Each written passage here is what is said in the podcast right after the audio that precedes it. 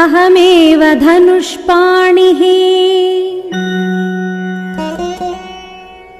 गोप्ता समरमूर्धनि यावत् प्राणान् धरिष्यामि।